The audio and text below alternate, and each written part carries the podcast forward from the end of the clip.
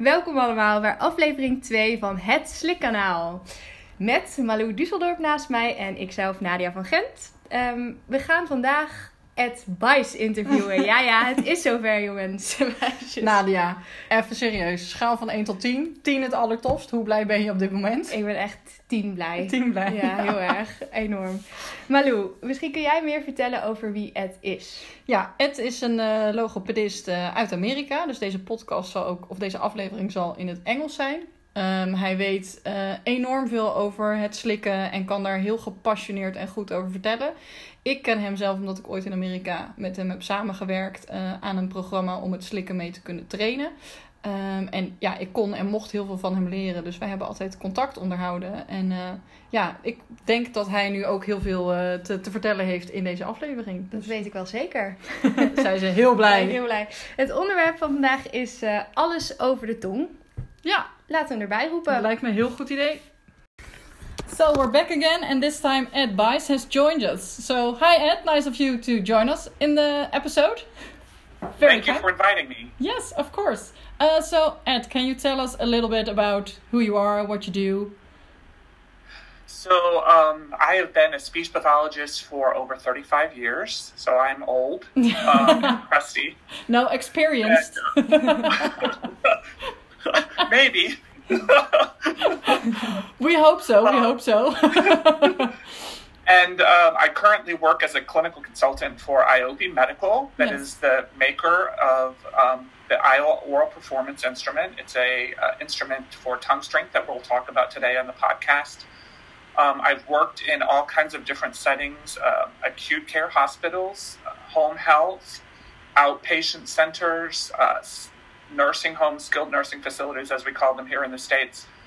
Um, so lots of different, and even the schools for a time in the beginning of my career. Mm-hmm. So I've worked in lots of settings and done lots of jobs.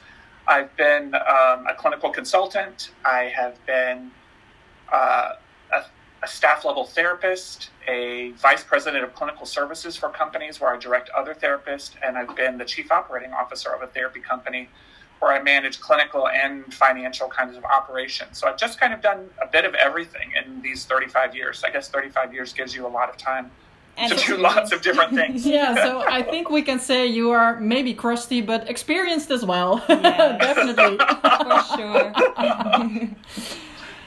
and so, um, so yeah, and I, I, will say that I'm very passionate about dysphagia for about over the last 20 years. This has been my main focus. Um, and I, I, think that the role of eating in our lives is so important, and um, helping people regain that ability or uh, reestablish that ability is tremendously important.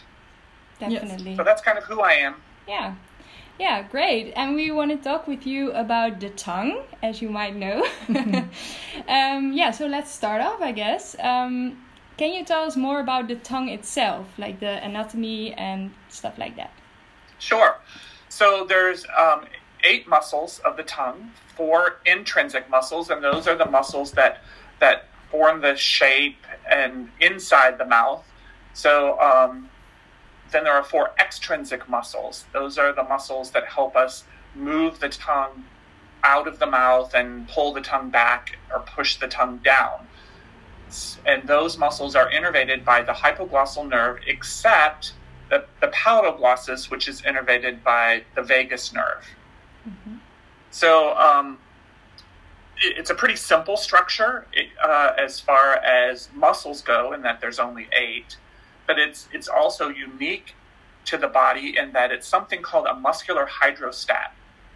Um, and a muscular hydrostat is unique in nature, actually. If you think of other um, mus- uh, muscular hydrostats in nature, we think of like an octopus's leg because it's not attached to a bone, it's just free moving, or an elephant's trunk. Um, and in, I don't know if you know this animal or not, but in the United States we have a manatee, a manatee. which is also a sea elephant. Oh yes, and, yeah, it also has nose, some kind of a trunk. Okay. Yeah, its nose is also a, a, muscular hydrostat. So a muscular hydrostat is um, never changes volume. It can change shape and that kind of thing, but it doesn't change volume. Its volume remains the same. Um, and that the fact that the tongue is a muscular hydrostat makes it um, adapt to exercise differently. So I think this than, is where uh, other maybe, muscles. yeah. Pardon me? Yeah, so this is where we maybe later on we we talked earlier, of course, a little bit about what we want to talk about. Maybe this is something the Masako or IOPI would be. Yeah, Right. yeah, And, um, and, and in addition, when we start talking about how to manipulate the tongue for swallowing, um, because muscles, if you think about exercise principles um, and neuroplastic principles, principles that change how the brain controls the muscles of swallowing or any muscles or any behavior in the human body, um, it, it's a bit different in, that uh, in both exercise and neuroplastic principles, there's a principle that uh, of specificity, and that is only the things that you actually target will be changed. So, in other words, if I work on quad muscles, my bicep isn't going to get stronger, right? Only my only my quadricep is going to get stronger, and um, this this concept of specificity when it comes to the tongue is quite challenging for us as speech pathologists to understand because we don't take a class in exercise science. We don't take, you know, we don't understand exercise the way that maybe um, the physical therapist or physiotherapist understand exercise. We just kind of make it up as we go along and hope that it's doing something. And so think about this concept of specificity. In the early days, when I first learned uh, swallowing therapy back in the late 1980s, before many probably of the listeners were even born, I, I Um, wasn't born. Minus 10. me neither, me neither. But go ahead. thanks for making me feel good. no experience, remember experience. Um, we were, you know, we did these things called um, oral motor exercises, is what it was called. And I'm not throwing out all oral, motor exercises, but back in that day, basically what that meant was that we were wagging our tongue. Stick it out as far as you can and hold it there. Move it to the left as far as you can. Move it to the right as far as you can. Well, this goes back to um, the fact that the tongue is a muscular hydrostat. Heather Clark, um, in the United States, she's a researcher in the United States, has done some very interesting work where she looked at does specificity of exercise with the tongue matter? In other words, does moving it to the right make it better at whatever is happening on the right? Or does moving it to the left make it better about what's happening on moving it to the left? And no, it doesn't Oh, that wow. because the tongue is a muscular hydrostat, it doesn't matter which direction you do the exercise, the entire tongue benefits Not even from that when- exercise. And not even when you put it for to the left for 10 seconds or an hour or whatever. Or, or three days Or or four days, it doesn't matter. It no, doesn't it doesn't matter. okay. Okay? Mm-hmm. And and the other thing, the other thing that I will say about that is that uh, one of the major principles of exer- in exercise, it's called overload, and neuroplastic concept, um, it's called intensity. Unless you're doing something to push a muscle or a system beyond its normal level of performance, you don't get any changes. So simply pushing your tongue to the right, which is something you can do all the time anyway, Yeah. is not really an exercise. It's just a, an activity, a movement activity. It's not making anything better. And and finally, we have um, some some very interesting research that says that simply moving the tongue will will excite the part of the brain that. So if you think about when I say homunculus, you understand that word. So it's a picture of the brain, and it shows how all the different areas of the brain, you know, that this part is for the tongue, and this part is for the foot, and this that that part of the brain that um, controls the tongue will will be enhanced during a lingual exercise or a tongue exercise, but it never transfers to the swallowing component. Okay. So yeah. Interesting. Yeah. So there are a lot of Okay. books books here in the Netherlands as well. I guess in the States as well. What you said. Yes. Uh, who are saying like put your tongue up, down, re- right, left, but that's not proven to be effective At all. Right. At all. No, the research actually says that it's of no benefit. Okay.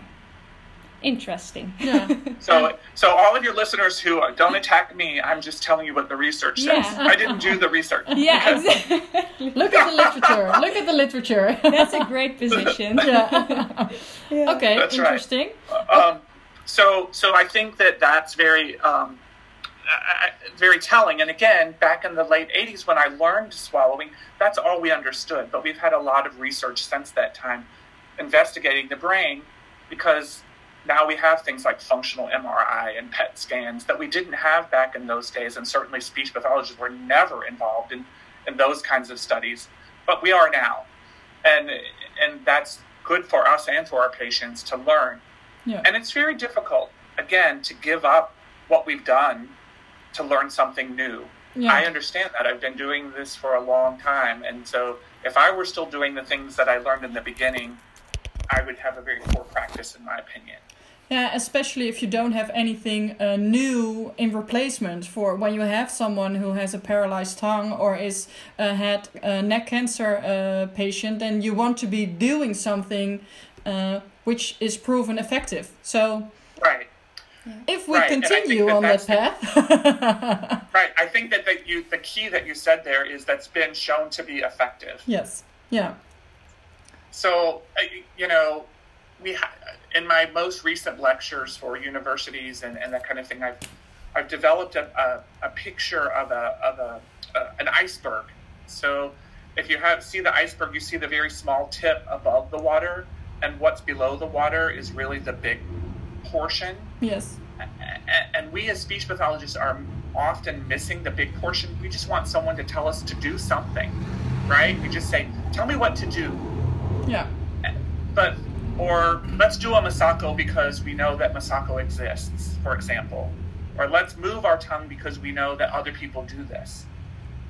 But below the surface are these principles of anatomy and physiology. How do how does the swallow work? What are the muscles involved? And then exercise science. Does this particular intervention equal an exercise or is it just doing something to pass time?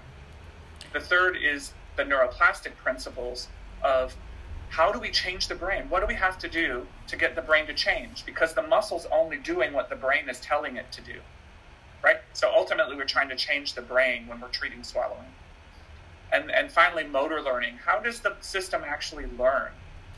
A- And so, in my opinion, we as speech pathologists need to understand exercise, neuroplasticity, motor learning, anatomy, and physiology so that when we start to select an exercise or when we start to create a plan for our patient, that it's based in that foundation and it's not just something to do. no, because we have learned so in school, we're just doing this. No, it's because we're attacking or attacking, treating one of these uh, pillars, basically. Yep.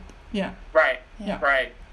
So I think that we need to go back to the drawing board and really learn these foundational concepts so that we can actually develop programs that will help our patients rather than just doing something because someone else told us to do it. Yes. So if we go back to the drawing board and we're looking like methods or ways how can we treat the tongue, you work for IOPI. So I guess you can tell us something about IOPI and how it's it's working and what what kind of pillars do we work with in there? Sure. So the IOPI is a standard tool for measuring tongue strength or tongue pressure. Mm-hmm. And actually, just about every research article that you read that measures the tongue now uses IOPI as the gold standard.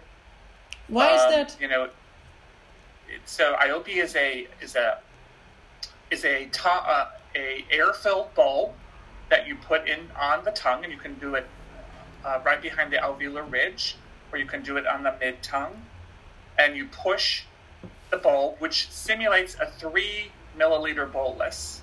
Okay, the bulb simulates a three milliliter bolus, and um, when you push, the device measures the tongue strength in kilopascals, which is a standard measurement of pressure. Um, and you can use it as an assessment tool.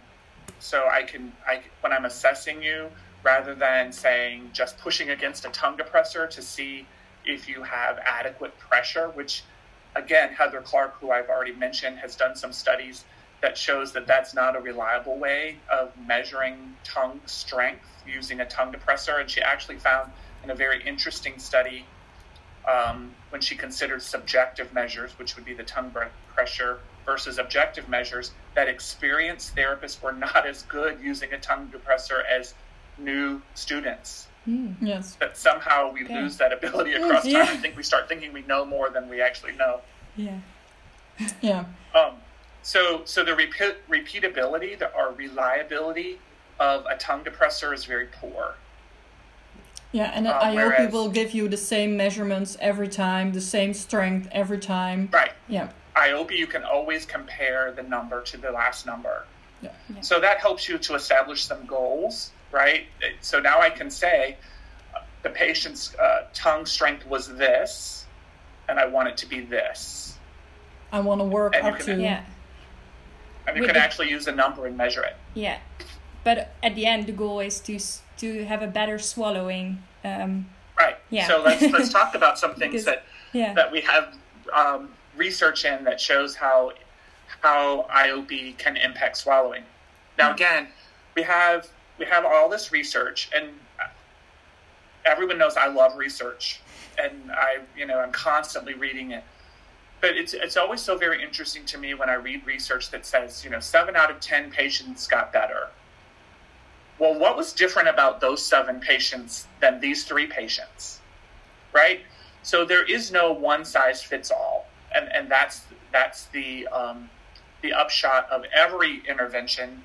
Even if it's been proven to be effective in certain groups of people, there are people that will not respond to it.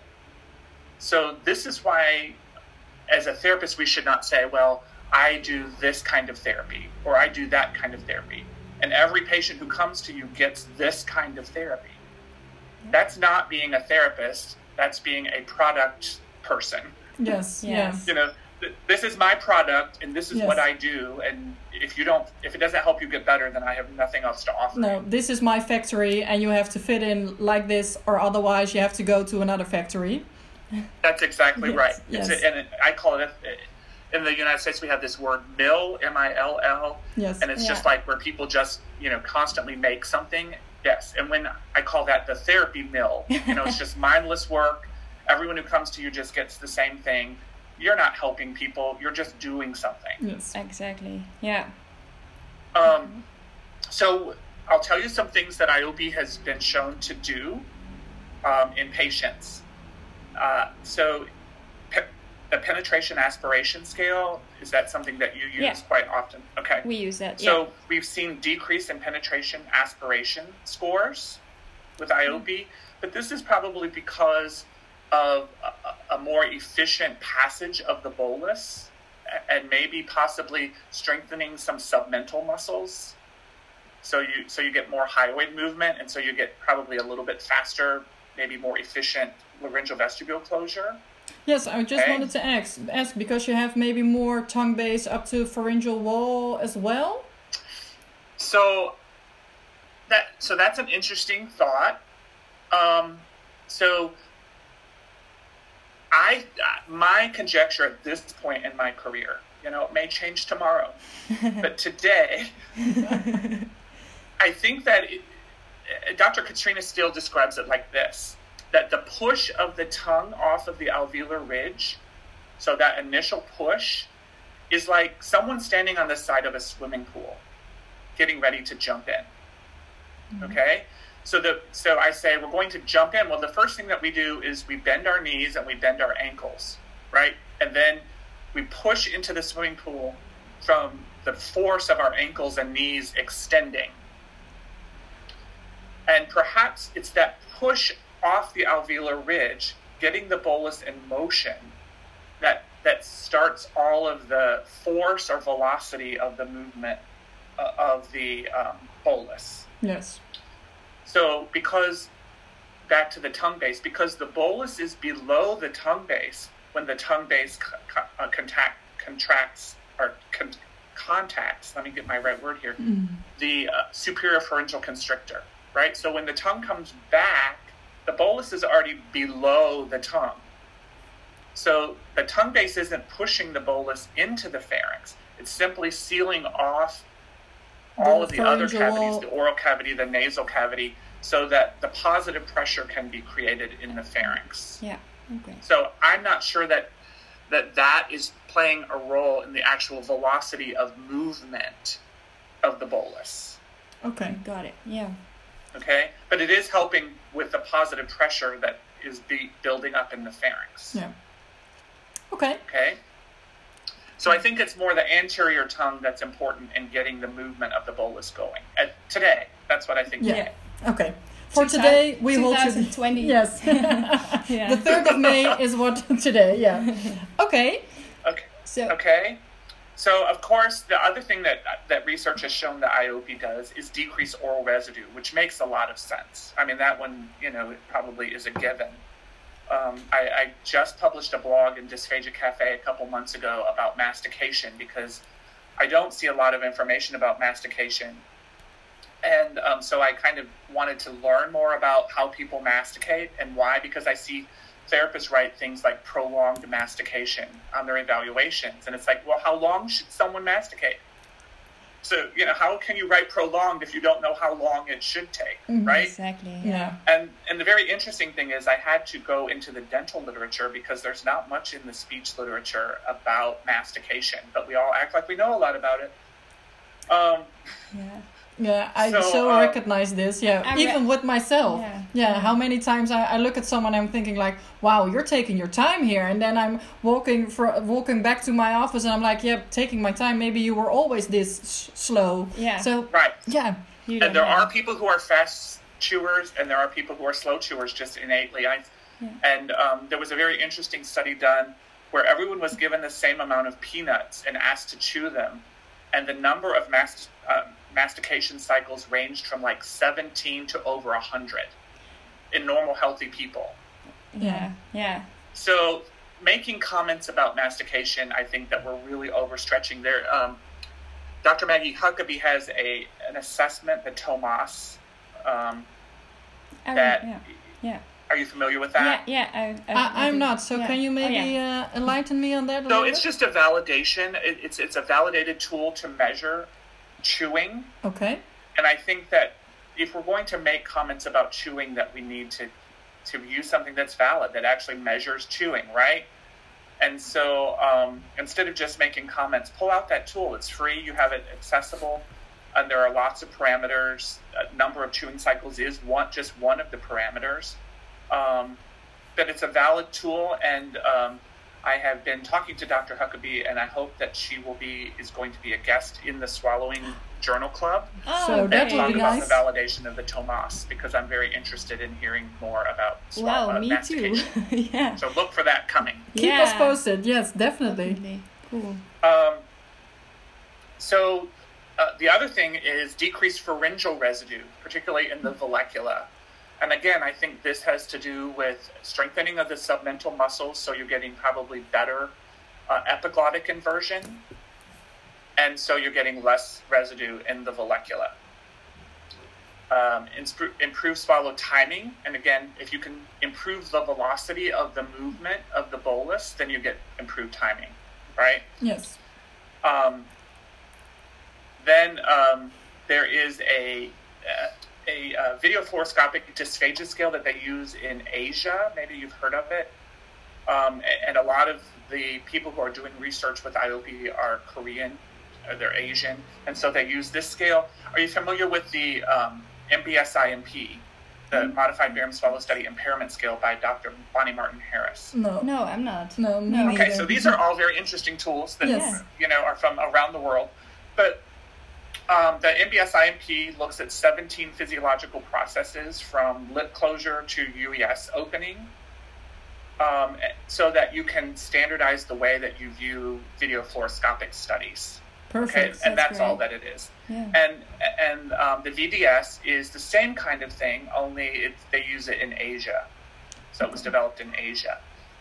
Um, and um, on the VDS, what they have found is that overall pharyngeal scores, so it's things like epiglottic inversion, pharyngeal, uh, pharyngeal constriction, UES opening, uh, overall scores on the VDS are improved, pharyngeal scores. Um, and overall, im- eh, oral scores are also improved on the VDS in these studies. And of course, um, tongue strength, just as, as a parameter, that's not necessarily saying how it impacts the physiology of the swallow, but it's just saying that, you know, tongue strength is improved by um, using the IOPI. And quality of life scores in these studies that have been done are improved by using the IOPI.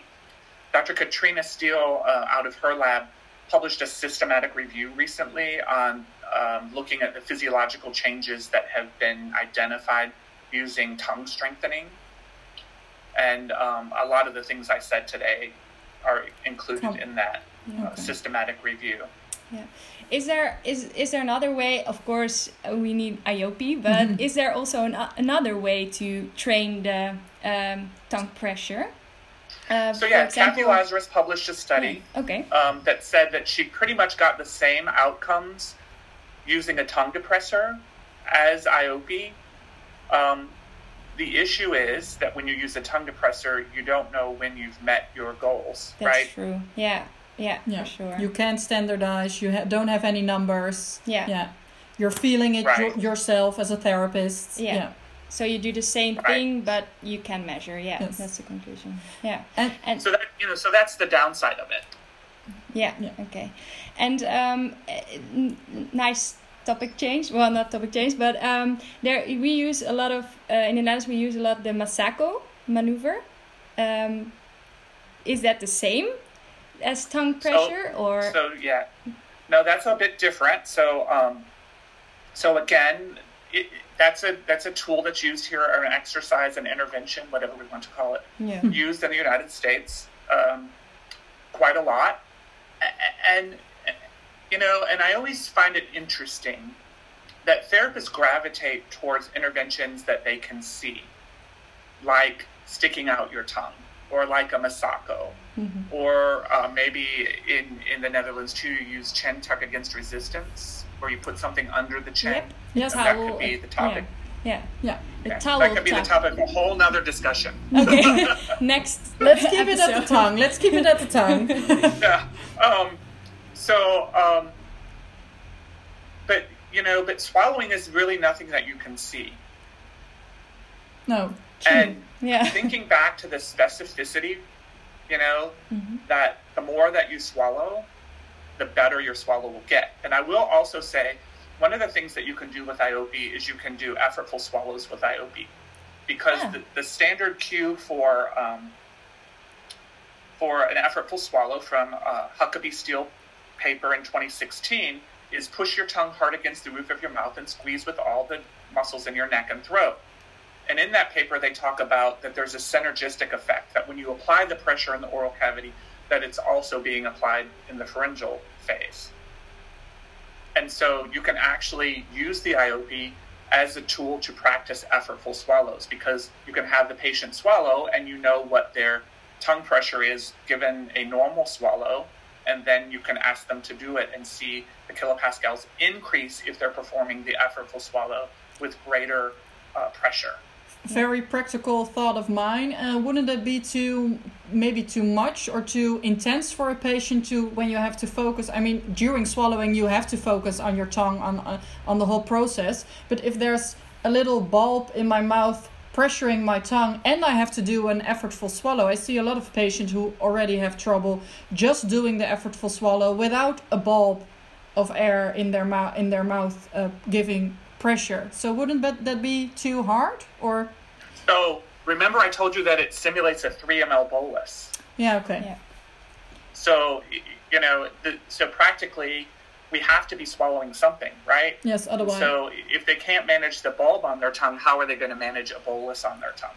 True. Yeah. True. Yeah, yeah. very true. And so, it, it's for tactile stimulation that you feel like you have something. So it's yeah, it's yes. going to help you. Yeah. And and the other thing that I will say is very interesting because we do because one of the things that people will say about the IOPI is you know, it doesn't have anything to hold it in place, right? It's just a, it's it's a bulb and it has a tube on the end.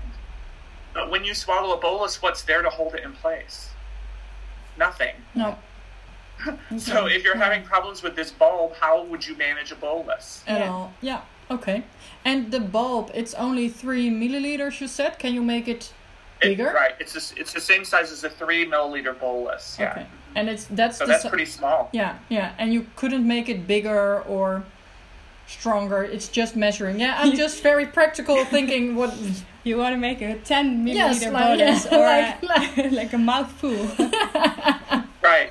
So so actually, I have with some patients used a straw to increase the bolus size. So put however much liquid or whatever I want in the cup and have them suck through the straw while the IOP is in their mouth, and then they so then they get a bigger bolus. Okay. But starting with this 3 ml bolus and getting lingual control of that bolus is pretty significant. If they can't control that bulb on their tongue, how can they control a thin liquid? exactly. Yeah. Okay, so and back to the Masako you were talking about, and I interrupted. Sorry. Sure, no, okay. So, um, so first of all, the Masako is not a tongue exercise, okay? And, and we need to get that very clear from the beginning. When you stick your tongue out and bite down on your tongue, you are disengaging the movement of the tongue. So you're removing the tongue from the equation, okay?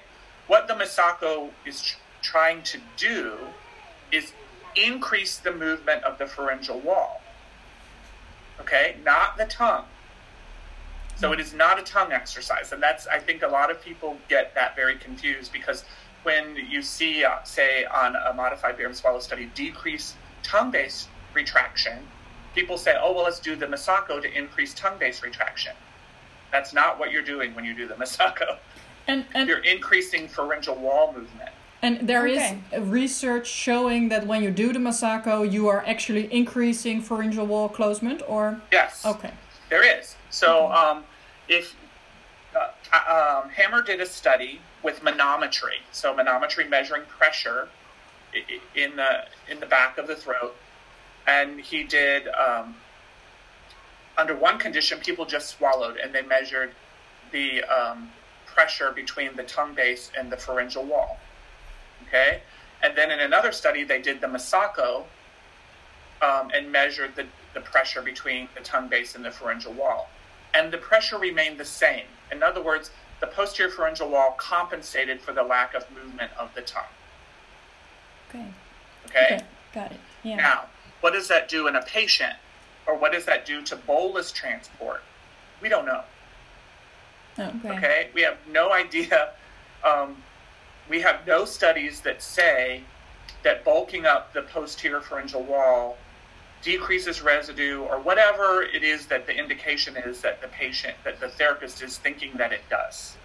Like what? So, in do you know what your colleagues or what you are seeing that you think, oh, the, the Masako would be good for this? Uh, yeah, the for yeah the tongue base. Yes. Um, Yeah, I myself, I'm Yeah. quite critical on When the I s- Masako, but Yeah. so- yeah. but in yeah. I So, how do you know that there's decreased tongue base retraction? Like, what are you seeing? um, yeah, like getting the tongue base to the pharyngeal wall, and it's not like completely closing up. closing up. Yeah. Yeah. Okay. That's so, and I will say, I have seen some patients that you know you can see that there's space there, right? That the tongue base Yes. doesn't completely contact the posterior pharyngeal wall. I, I, I will, I will say that I have seen some patients like that, particularly like Yeah. brainstem strokes, Exactly. Wallenberg syndrome kinds of strokes. A lot of times, I will see that. But what we don't know is, does the pharyngeal wall coming forward improve the efficiency Of the- of the swallow. We don't know that. no. Well, and Okay. especially you There's just a lot of exercises we don't know what they're doing. So not just this one. But go ahead. What would you? No, yeah, your- sorry. I was just thinking you earlier. You mentioned the muscular hydrostat. That that's what the tongue is, and with that in mind, I find it hard to comprehend that when you do the masako, there is no actual resistance. So what? In what way would you actually train something in the tongue with the So masako? you're not training the tongue at all no. with So the Masako. Yeah, and I see a lot of uh, therapists, and I hear a lot of therapists saying that when they want to train the tongue, they do the masako, although actually it's not really an oral uh, phase training, basically, or for the tongue at all. Not at all. No. And the other interesting thing is that there was a study in, tw- in 2014 when we talk about so when we talk about um, what is it doing, that it disrupts the anchoring of the anterior tongue on the alveolar ridge. Yeah. Now, remember what I talked about before about how that may be the driving force of the whole swallow, Yep. and that when we do this with the Masako, that it that it's disrupting that. Okay, and we know that that again from manometric studies that it changes the production of that nice wave of the tongue going from anterior to posterior, that it causes disruptions in that movement. So the question remains is so we're getting more um, pharyngeal wall movement forward, but what are we doing to the oral phase of the swallow? Because we're teaching the tongue through motor learning to do something that's completely abnormal. Yeah. Okay. Yep. So again, Yeah. and again, there's there are lots of things that we do like that. Okay, but when we go back to that iceberg picture and we start thinking about exercise principles and neuroplasticity and motor learning, and we want to make sure that our exercises fit into those principles. Personally, I do not see how Masako fits with any with exercise principle because we're not exercising the right muscles. With motor learning, we're teaching the tongue to do the wrong thing and neuroplasticity. So we're telling the brain that this is how we swallow now with our tongue out. So, so Ed, now you're really downsizing our uh, exercises because no, no range of motion, no Masako. What should we do? what can we do? no, yeah. So, um, Yeah. so let, let's finish. I'll talk about that in just a second. But let's talk about a little bit more about Masako. yeah, okay. Yeah. So some of the other things that we know that it does is it increases the pressure at the UES, at the upper esophageal sphincter. So if you already have some kind of cricopharyngeal dysfunction, like a patient with um, a Wallenberg stroke, usually they have, um, or Wallenberg syndrome, they have a lot of uh, pressure at the UES. I have a friend right now that I'm working with who has um, this problem. Like, so he is actually basically doing a Mendelsohn every time he swallows. So he's keeping everything up and open. But because the cricopharyngeus is so non-compliant that no, even though he's keeping his UES open about twice as long as a normal person, the bolus still isn't passing through. Oh wow. Oh wow. That's So, working um, for your food. So, do we want to be increasing pressure at the UES? Good question. yeah. Yeah. You know, so um, and and we also know that that even though we're getting some superior pharyngeal constrictor movement, that it may be impairing the the medial and inferior. So we may be causing more residue Instead of, by doing this Yes. than you know. We, our goal was to get rid of residue, and we may be causing more residue. Hmm. And the other thing that's happening is that we're seeing decreased hyoid movement. And, you know, the, I'm not a real freak about the hyoid bone, but we know that that movement does help with epiglottic inversion. Okay? So, um, people use it as a surrogate for laryngeal movement. And, and the very interesting thing is, I've seen patients whose hyoid moves beautifully and they have no laryngeal movement, or who have no hyoid movement and their larynx does fine and they have beautiful laryngeal vestibule closure. So, you know, hopefully one day we won't call it hyolaryngeal movement. We'll call hyoid movement and laryngeal movement because they really are two separate, two separate uh, physiological processes in the swallow. Yeah. Um, so, you know, before we use the Masako, and there, and I will say there are studies that show us that there are differences in sex that males respond differently to it than females. Wow. I didn't know that. So before we use the Masako, we have to consider how is this going to change the swallow over time? Well, we don't know. There's no studies that tell us. Okay? How does it reduce residue? Yeah. Well, we don't have that information. Um, why does it affect females differently than males? yeah, or the Well, other way around. system- I mean, there's a lot of there's a lot of research to males. I mean, males are the normal normal patients, but females. Yeah, sorry. This is my Femi- this feminist. is my yes yes definitely agree. a feminist.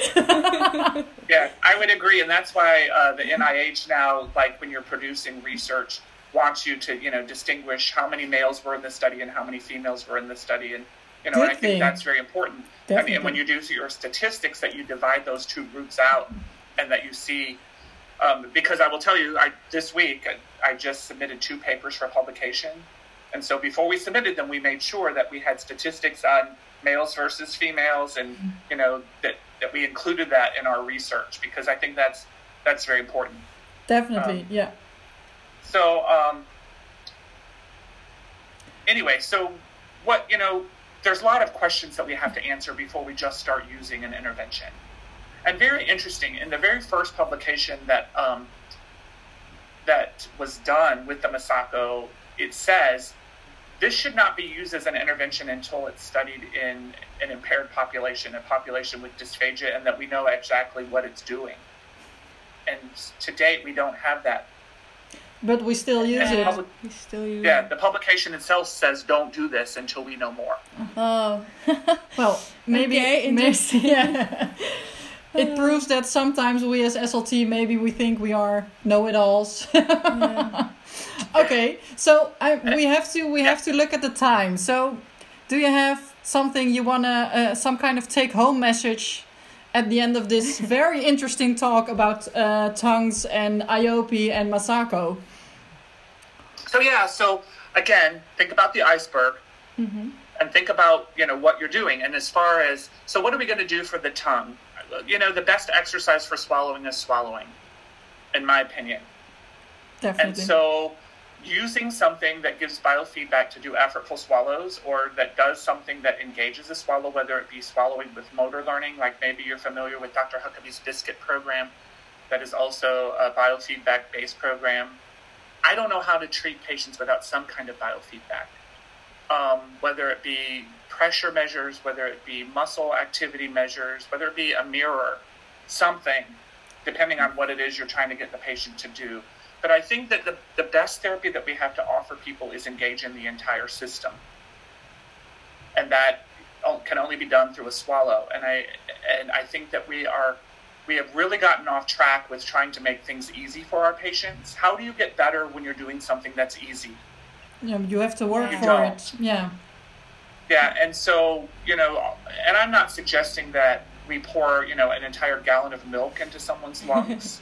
but forcing patients to swallow things that, that they're having difficulty swallowing using techniques, whether it be a supraglottic swallow or an effortful swallow or a Mendelsohn or whatever it might be that they need to be more efficient, that making them do the things that are hard for them is the best thing that we can do. I'm so You know, when- yeah. Yeah. I'm Yeah. so glad you're Yeah. saying this because a lot of SLTs I think are still uh, afraid, and even myself, I, I'm sometimes I'm like, oh, maybe shouldn't we do this? And then when I ca- caught myself on that thinking, like, oh, maybe we shouldn't do this, I'm like, yeah, but yeah, to become stronger, you have to exercise something which is hard. It's in running, Yeah. it's in cycling, it's in everything. So it's Yeah. in swallowing as well. But we get scared because of the thought of aspiration and pneum- pneumonia uh, that makes us scared. But you do have to try. And where, why are we so afraid of aspiration pneumonia? I'm still trying to figure out the a- answer to that question. we don't want to be responsible for people getting sick maybe I Yeah. don't know. Uh, it's my But you know, but so very interestingly enough, just so you know, that when we have never had a study, when, as long as we've been studying dysphagia, that only measured aspiration, pharyngeal aspiration pneumonia. Every study that we have measures every kind of pneumonia.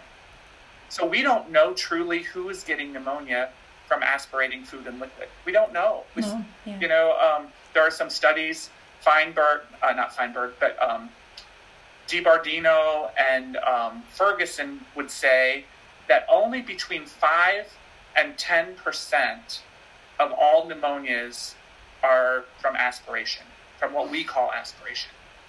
So if you think about it, it's a, it's a very low incidence. Yes. yeah Very, you Yeah. know. I love we- this Um, topic actually as well. Yeah. Yeah, we can And- invite you another time Yeah. to talk about this.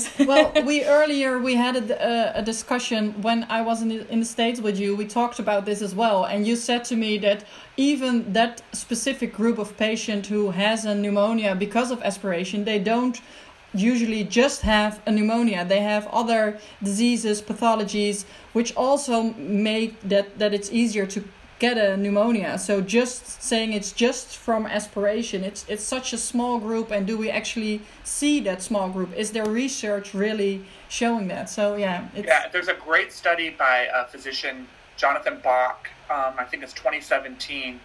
It's a retrospective study, and he looked at all these people who were on altered diets and who weren't on altered diets, but everyone in the study they knew aspirated, and they looked at things like time to the first um, respiratory event and even mortality.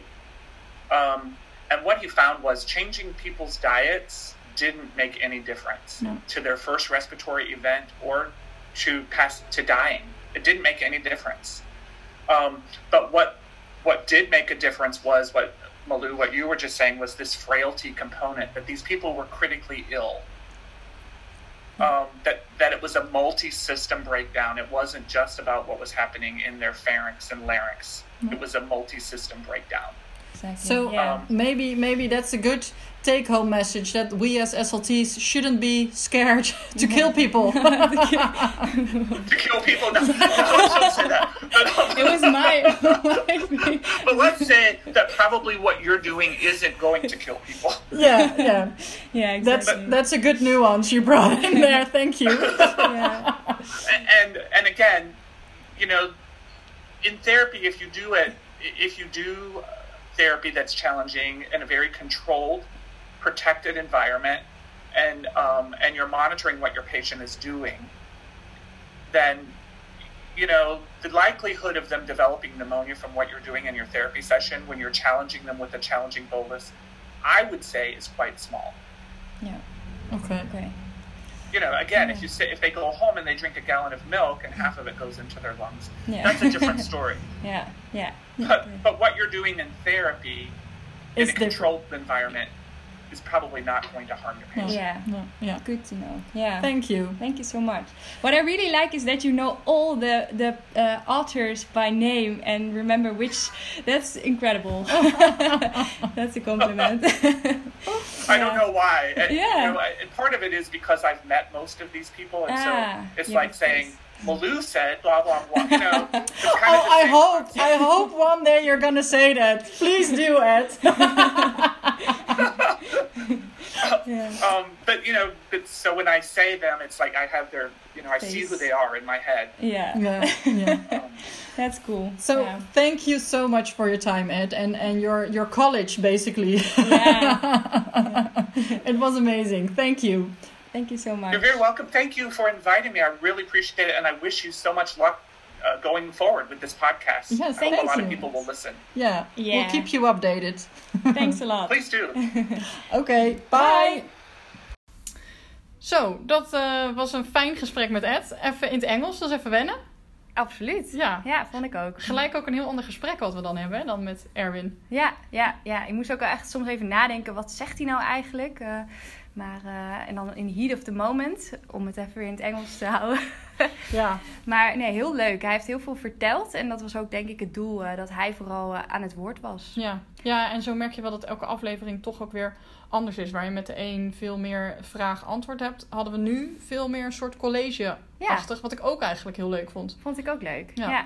Ja. Misschien is het wel goed omdat hij zoveel vertelde dat we nog even kort een opsomming maken van wat hij eh, vertelt. Wat de belangrijkste dingen zijn die hij verteld heeft. Ja, en dat zijn denk ik ook gelijk wel de dingen die ik in ieder geval ervan heb geleerd. Dus dat is misschien ook wel leuk. Oké. Ehm, wat ik ehm, heb geleerd en wat het heeft verteld, is dat de tong een eh, muscular hydrostat is, ofwel een gespierde hydrostaat. En dat is eigenlijk vergelijkbaar als een olifantenslurf. Ja, ik vind het gelijk ook heel beeldend. Ik heb gelijk een plaatje in mijn hoofd. Ja, ik ook. Ehm, als tweede zou ik zeggen dat ik heb geleerd dat de tongmotoriek oefeningen eh, zonder weerstand niet effectief zijn gebleken. Nee, en daar heeft hij ook allemaal eh, literatuur verwijst hij naar. Vond ik heel Ja, fijn. vond ik ook heel fijn. Dus Ja. dat ga ik zeker ook nog even een keer nalezen. Eh, dus bijvoorbeeld beweeg je tong naar links, steek hem 30 seconden uit. Al doe je het uren, dagen, het, het heeft geen zin. Nee. Het- Nou het is ja. iets wat we klakkeloos overnemen Ja. omdat we graag iets willen doen. Ja, Maar misschien is dat ook wel een wijze les. Denk na over wat we aanbieden voor oefeningen. Hoe effectief is het dus? ja, vond ik echt een eye-opener, eh, moet ik zeggen. Ik ook. Als derde puntje is dat de Masako eh, geen tongoefening is, maar ehm, eh, echt voor de pharynx-achterwandbeweging.